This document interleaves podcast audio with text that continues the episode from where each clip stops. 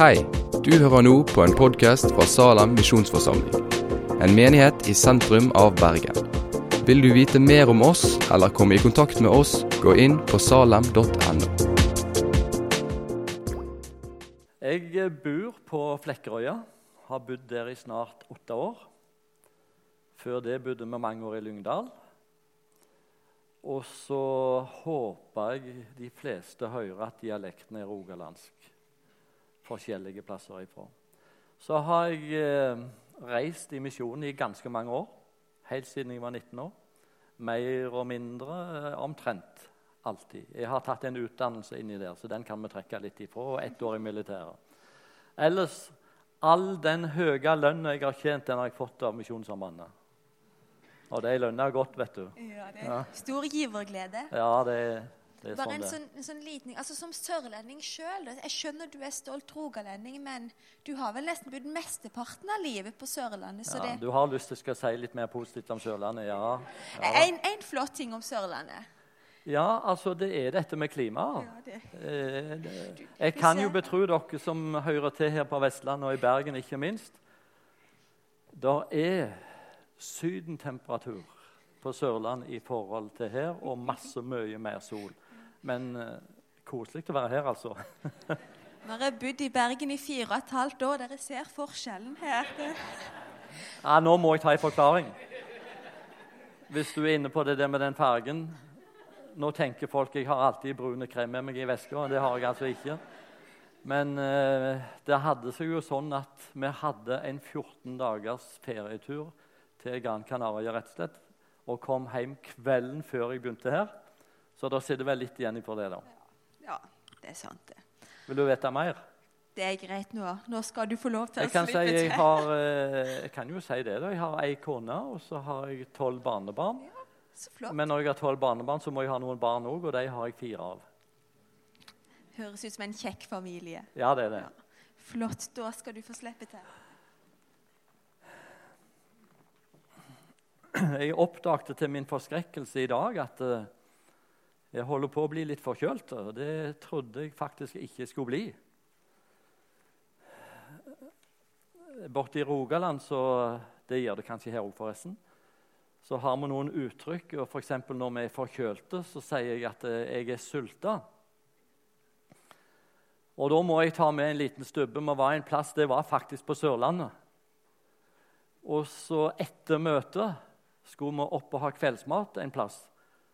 Men i møtet da, så kom jeg jo til å si som sant var, at eh, jeg er litt sulta i kveld, så det er ikke sikkert dere forstår alt jeg sier, og så videre, og snakket om det å være sulta.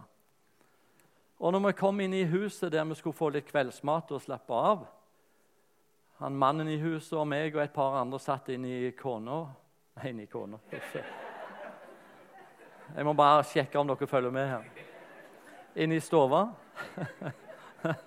Det var noe annet.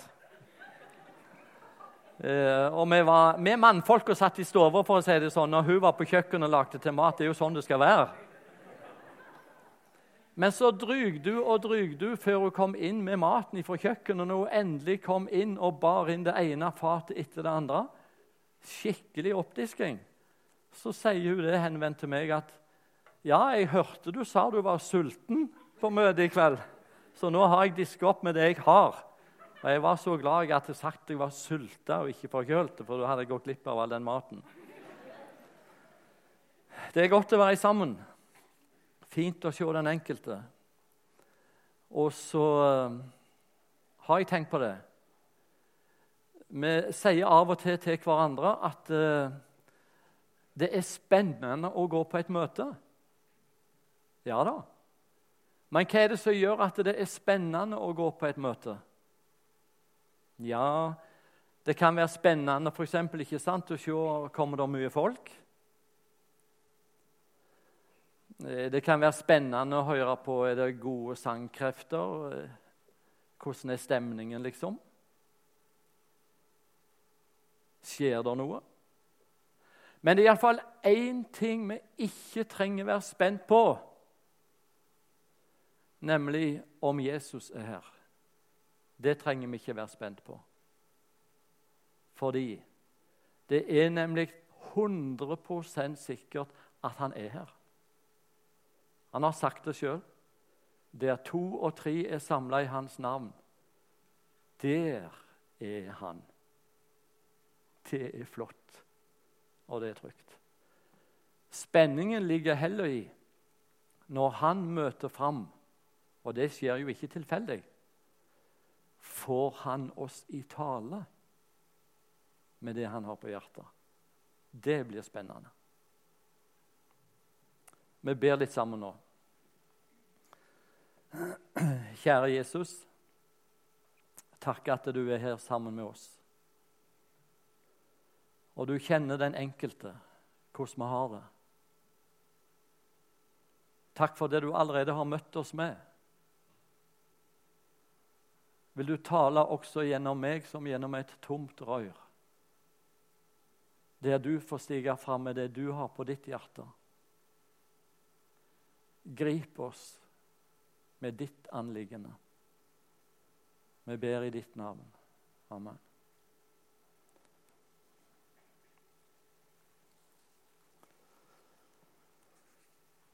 Vi skal ta med oss et avsnitt. Du har gjerne lagt merke til at eh, en kveld så var det et tema en gikk ut ifra. En annen kveld noe sånn midt imellom temaet og lese opp en tekst. I kveld skal vi lese et avsnitt. Og når jeg begynner å lese det nå, så tenker jeg Mon tru noen dette av lasset med en gang? For det er liksom så kjent. Jeg er sikker på det er sitert og talt over her i Salem mangfoldige ganger. Men prøv å høre nå. Nå leser vi fra Johannes 14 og fra vers 1.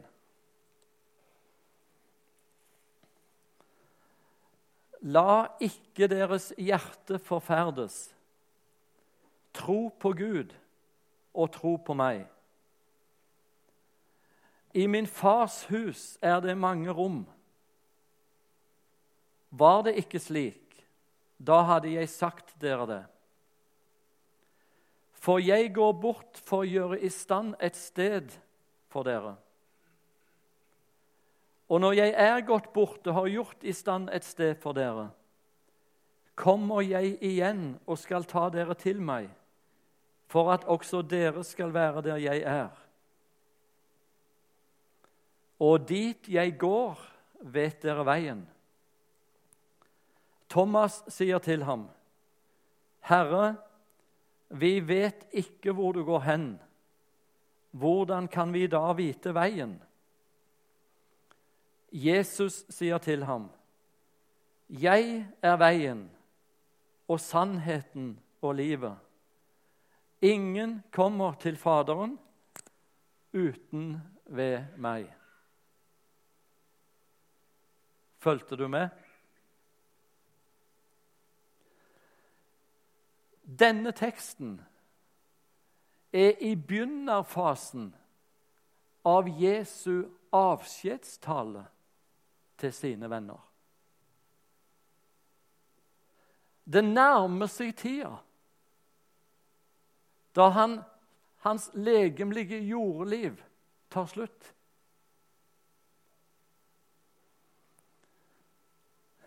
Når det er slik at vi skal ta avskjed med noen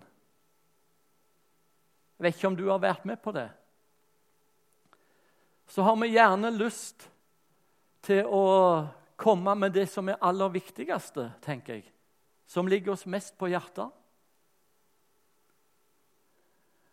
Jeg har vært med og tatt avskjed med min mor. Hun hadde fått kreft. Hun var syk litt lengre tid. Vi nærmer oss avskjedsstunder. Vi merker på sykerommet på sykehuset i Stavanger. Nå er det ikke lenge til. Hun var ganske klar i hodet, nesten til det siste. Og når vi var samla på slutten, så klarte hun å vinke med den ene hånda. Hun ville ha én om gangen bort til sengekanten. Hun skulle bruke den siste anstrengelsen på å få fram de ordene og setningene som lå henne mest på hjertet. Når jeg satte meg ned, holdt meg i hånda, gjorde hun, så var det Nils Kåre. Hold deg nær til Jesus. Hold deg nær til Jesus. Hvorfor sa hun det? Fordi det var mest viktig for henne før hun skulle flytte. Vi må vel gå ut ifra at når Jesus nærmer seg flyttedagen, så ville han òg ha framfor sine venner noe av det viktigste. Og hvis vi skulle summere opp ganske kort Hva er det han prøver å si til sine venner i kveld i teksten? For meg er det blitt slik Jesus ønsker å trøste vennene sine før han skal forlate dem. Stemmer det, da? Han sier bl.a. slik I min fars hus er det mange rom. Var det noe trøst i det? Ja, underforstått mellom linjene, så ligger der Der er så mange rom i min fars hus at det er plass til hver eneste en av dere.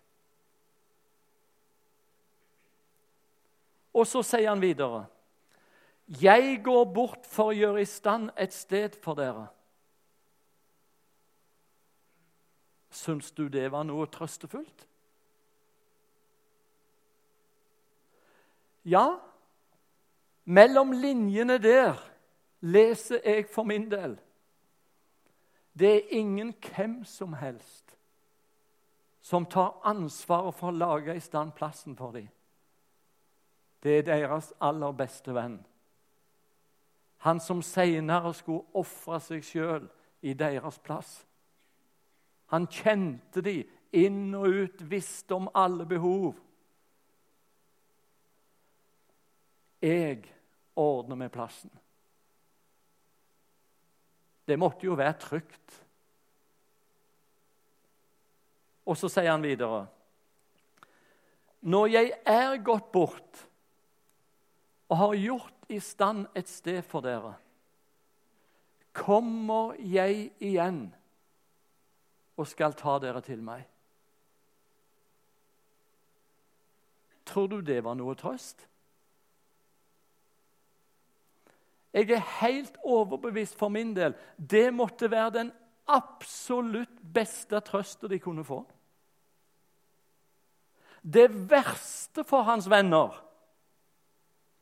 måtte vel være når han sier til dem at 'jeg skal forlate dere snart'.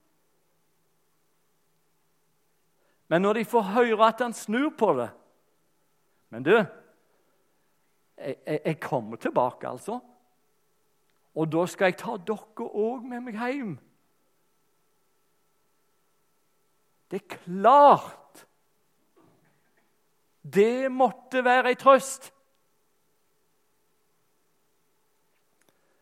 I 1. Tessalonikerbrev, kapittel 4 Der eh, står det en del om hvordan det skjer når Jesus kommer i sky for å hente nettopp sine hjem.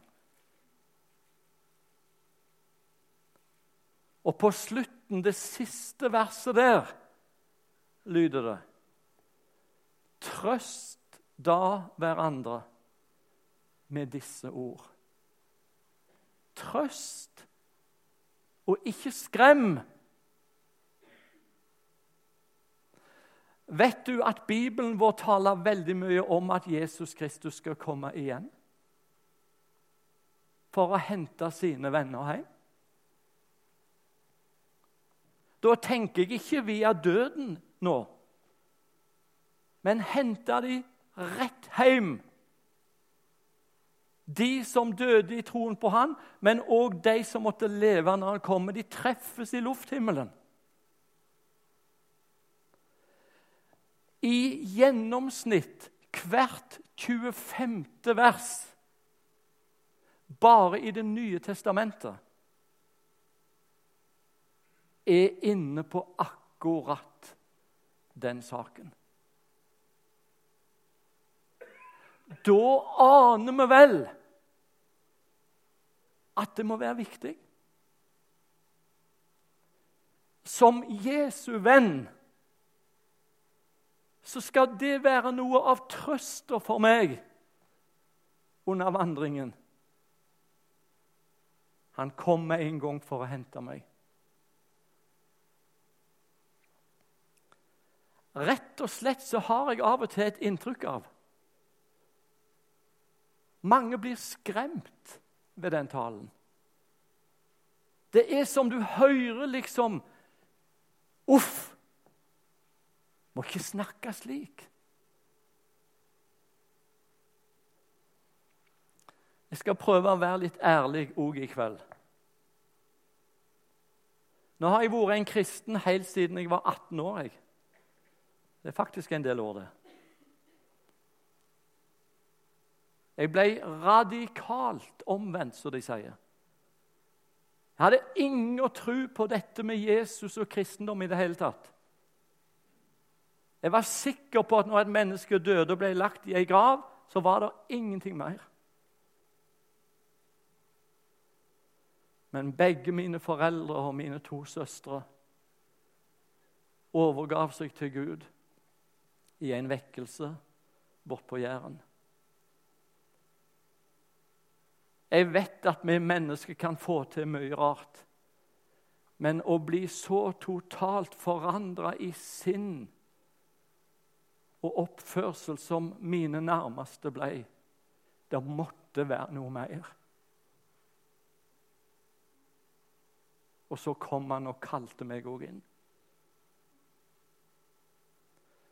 Men du, helt siden jeg da ble frelst og fram til i dag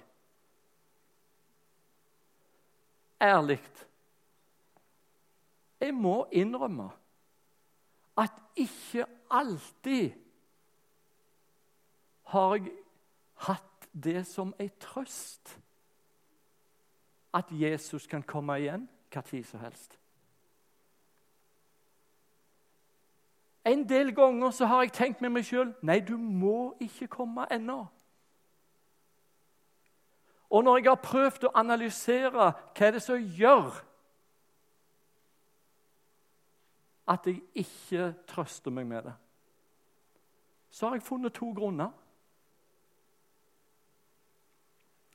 Den ene grunnen det er at jeg har vært inne i sånne perioder i mitt kristenliv der jeg har følt på sjøl, iallfall, at jeg hadde det ikke helt rett. Jeg styrte livet mitt som jeg best ville sjøl. Og jeg merka djevelens angrep. Og kom med noen agn til meg som jeg beit på. Og når du er inne i sånne situasjoner, selv om du skal være predikant, eller hva du kaller det, så tenkte jeg nei, ikke kom nå. Og så er det en annen grunn òg som har gjort at jeg ikke har trøsta meg til at han kan komme hva tid som helst. Nemlig Jeg har noen som jeg er veldig glad i. Noen kjempepersoner. Fantastiske mennesker. Noen av mine nærmeste som lever uten han. Og jeg vet såpass mye ut ifra Guds ord at kom Jesus igjen og henta sine hjem nå Så ble de værende igjen utenfor.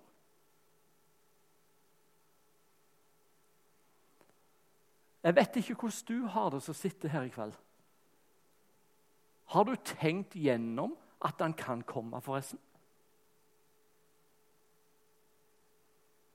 Og det er mange bibelforskere, svært mange, som mener at det med Jesu komme i sky kan skje hva tid som helst. For min del har jeg funnet ei felles løsning.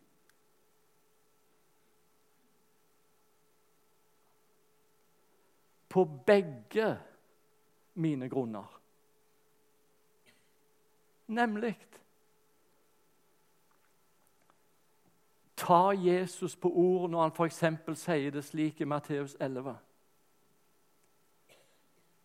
Kom til meg alle dere som strever og har tungt å bære, jeg vil gi dere hvile.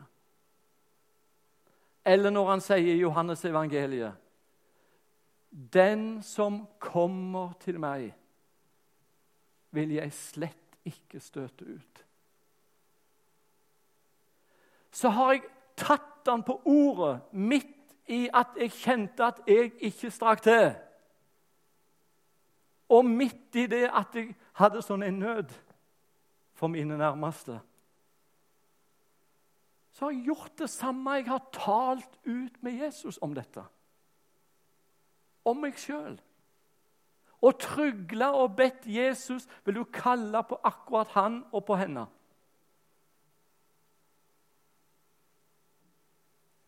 Og sitter du her i kveld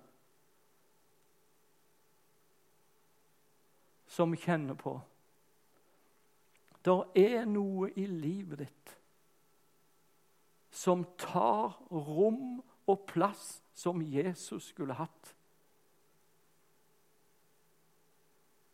Du har sterk mistanke til at om han kom igjen før dette møtet var slutt, så ble ikke alle stolene tomme, ikke din. Jeg oppfordrer deg til Treng inn på han. Aus ut. Sett ord på det. Dersom vi lever i lyset liksom han er i lyset, da renser Guds sønns blod ifra all synd.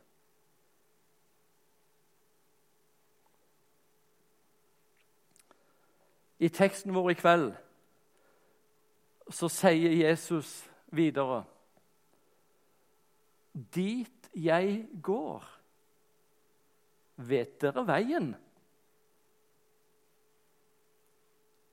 Så sier Thomas, liksom tvileren Ja, men vi vet jo ikke hvor du går hen. Hvordan kan vi da vite veien? Nei, selvsagt. Men så sier Jesus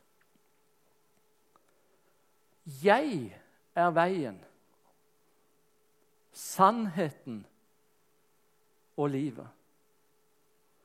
Ingen kommer til Faderen uten ved meg.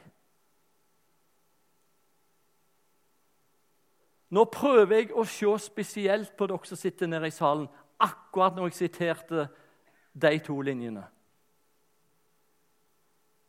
er ikke mye reaksjon, altså. Og det hadde ikke vært på meg heller om jeg hadde sittet nede og hørt. Ja, men tenk Jeg er veien,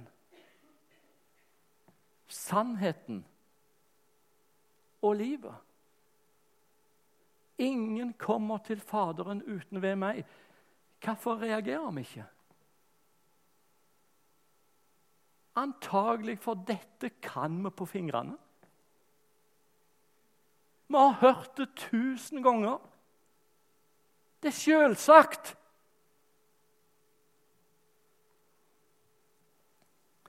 Men du Er det selvsagt? Det er faktisk noen røster i dag som påstår at vi må komme lenger enn akkurat til det budskapet. Vi trenger ikke å høre det når vi har vært bekjennende kristne i mange år. Og la meg føye til så ingen misforstår. Bibelen er djup. Og Bibelen har veldig mange sider. Vi trenger hele Guds råd. Men du Denne sannheten at Jesus alene er veien Det hadde han òg sagt til sine venner tidligere flere ganger. Det var ikke første gangen han sa det til deg heller.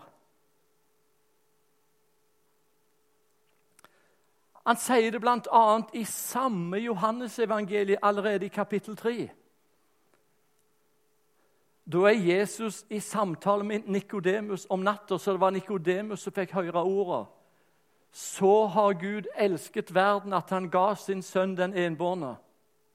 For at hver den som tror på ham, ikke skal fortapes, men ha evig liv. Men dette tøyt fram til de andre òg etterpå.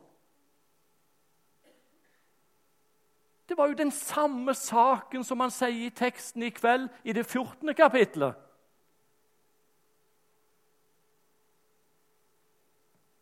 Og i det siste verset i kapittel 3 så sier Jesus Den som tror på Sønnen, har evig liv. Men den som ikke vil tro på Sønnen, skal ikke se livet men Guds vrede blir over ham. Det er jo samme sak han snakker om der òg. Og i det tiende kapitlet i samme evangeliet så sier Jesus Jeg er døren. Den som går inn gjennom meg, blir frelst. Er ikke det det samme han sier der òg, da? Hvorfor måtte det gjentas og gjentas igjen og igjen?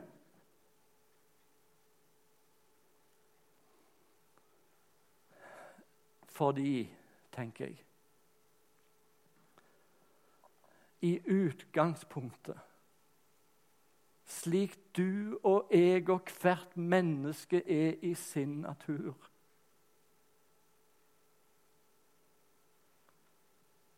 Så tenker vi Det som er noe verdt, det må vi enten betale mye for eller arbeide mye for. Og når det gjelder dette, om det finnes en himmel å vinne, en fortapelse å unnfly Når det gjelder dette med evig liv Hvis det finnes Da må det være det mest naturlige at de som arver evig liv Det er de som gjør mest for å få del i det.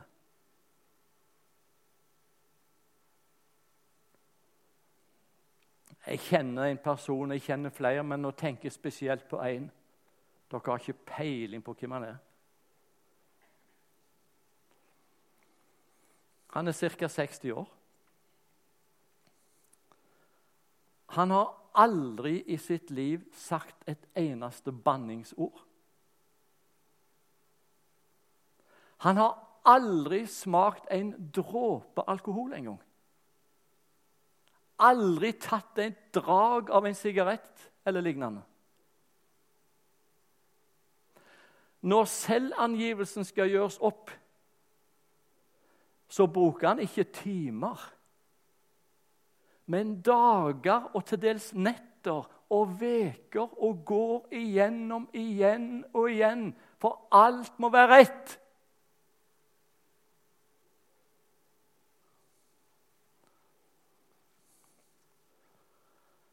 Han er også med resten av familien på ei julemesse i misjon. Han kan slenge med på en basar. Han er veldig oppsatt på at ungene skulle ha hørt det kristne budskapet. Han er snill. Han er imøtekommende. Ikke en nabo som har et vondt ord å si om han.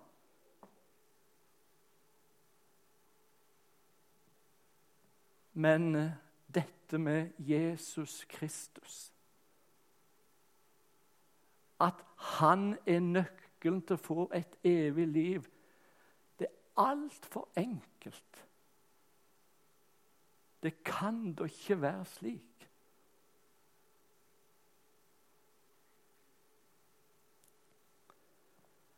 Det ligger i naturen vår.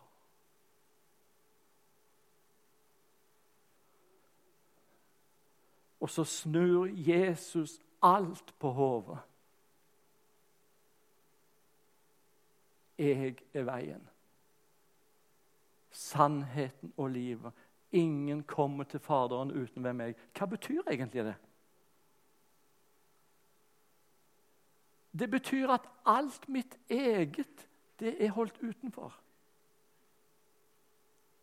Det jeg måtte finne på av sprell for å tilfredsstille Gud, det holder ingenting av det.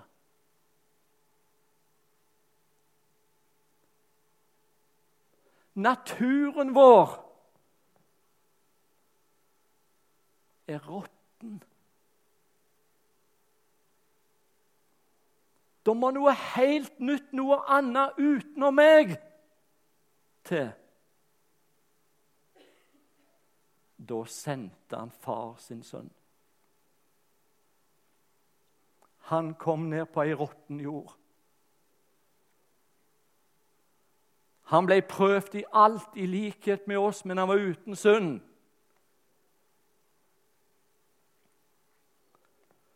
Ingen av dem som tar sin tilflukt til ham, dømmes skyldig. Vet du hva jeg tror? Det er ydmykende å gå med på. Hva sier du? Er ingenting av det jeg gjør, godt nok?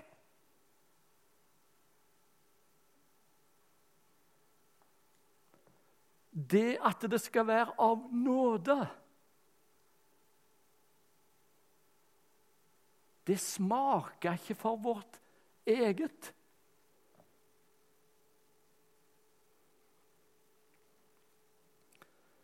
Jeg nevnte mor. Kanskje skulle nevne min far òg. Har du snart hele familien. Han var ute for en uh, alvorlig operasjon på sykehuset. Han lever faktisk ennå. Han er 95 år om et par uker. Ganske oppegående. Men så kom han seg bemerkelsesverdig nok gjennom den operasjonen òg, for noen få tre-fire år siden. Så lå han en stund med sånne huller i halsen. Han kunne ikke snakke, puste der. Og Så var det noen av de sykepleierne der som stelte med han. Han ble så begeistra for dem. Ikke bare fordi de var søte og fine, og alt det der, men de var så omtenksomme og snille og flinke. Og så var det særlig ei, da. Men så fikk han liksom ikke sagt noe. Men så hadde han en kulepenn som lå der på nattbordet, og ei blokk til å skrive på. Så pekte han på den, og så kom hun med det til han. Og så skrev han hva tror du på? Når hun leste den, Det var sikkert et spørsmål hun nesten aldri hadde fått. Så svarer hun kontant. Man kunne jo høre, da. Jeg tror på meg sjøl. Jeg tror på meg sjøl. Så fikk han pennen igjen og skrev. Det holder ikke. Du trenger Jesus. Det ble så stille på rommet. Og de fortalte ut ifra vaktrommet Det var noe som hadde skjedd.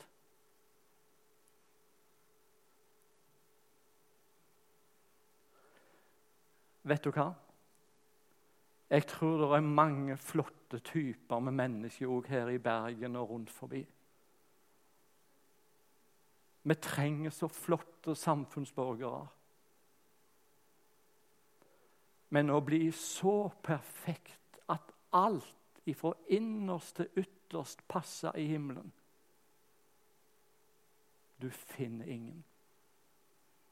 Og tenk der står når det gjelder å holde budene og forskriftene som Gud har foresatt. Den som faller i én, er skyldig i alle.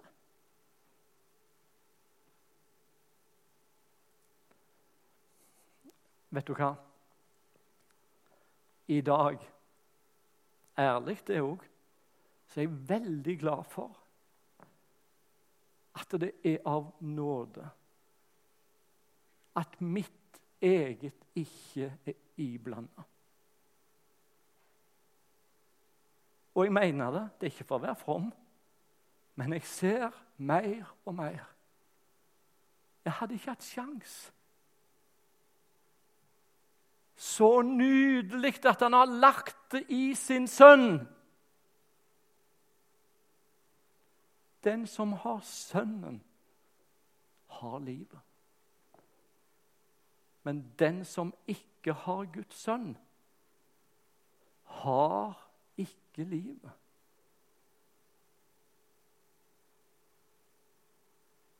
Ærlig talt Jeg vet ikke hva du tror på.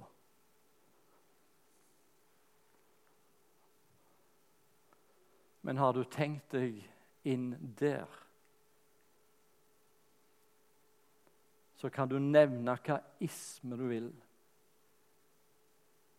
og hva oppførsel og gjerning du vil. Men Bibelen er så klar.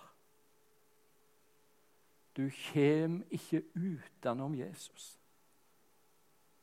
om du inntil livet vil gå.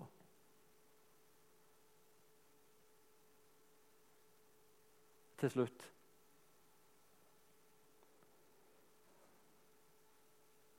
Nå er ikke Jesus kommet igjen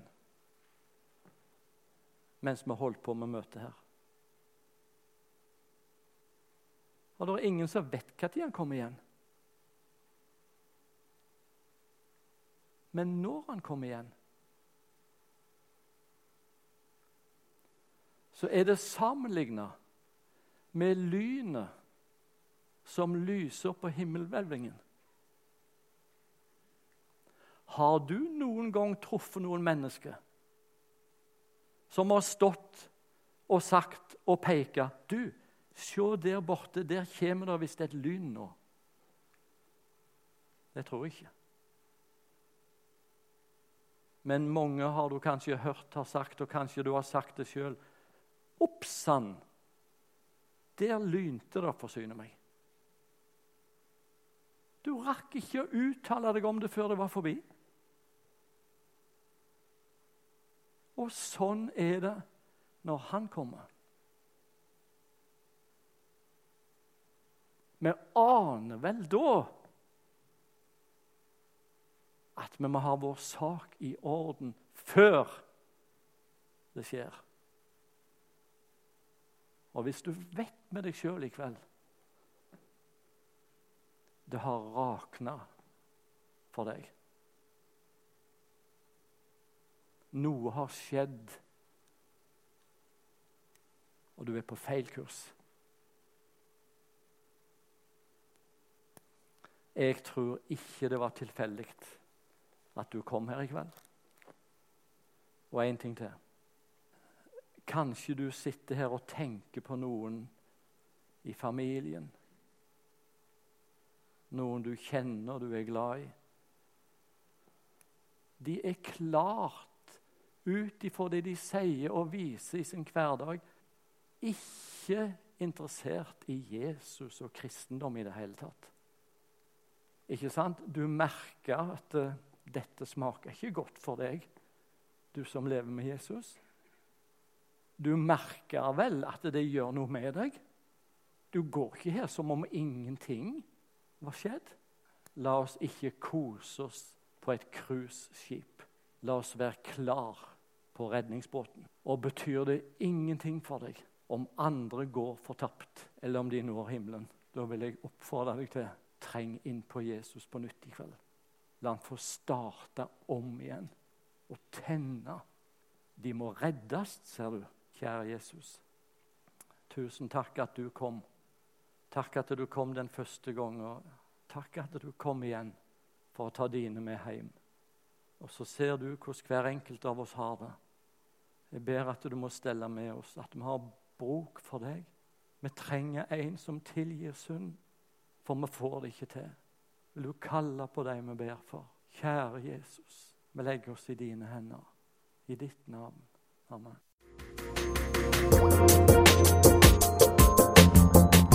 Takk for at du har hørt på podkasten fra Salem, Bergen. I Salem vil vi vokse i et stadig dypere fellesskap med Gud og med hverandre. Vi vil være Jesu hender og føtter, og vi vil være med å forkynne frelse for Bergen og resten av verden. Besøk oss gjerne på salem.no om du vil vite mer.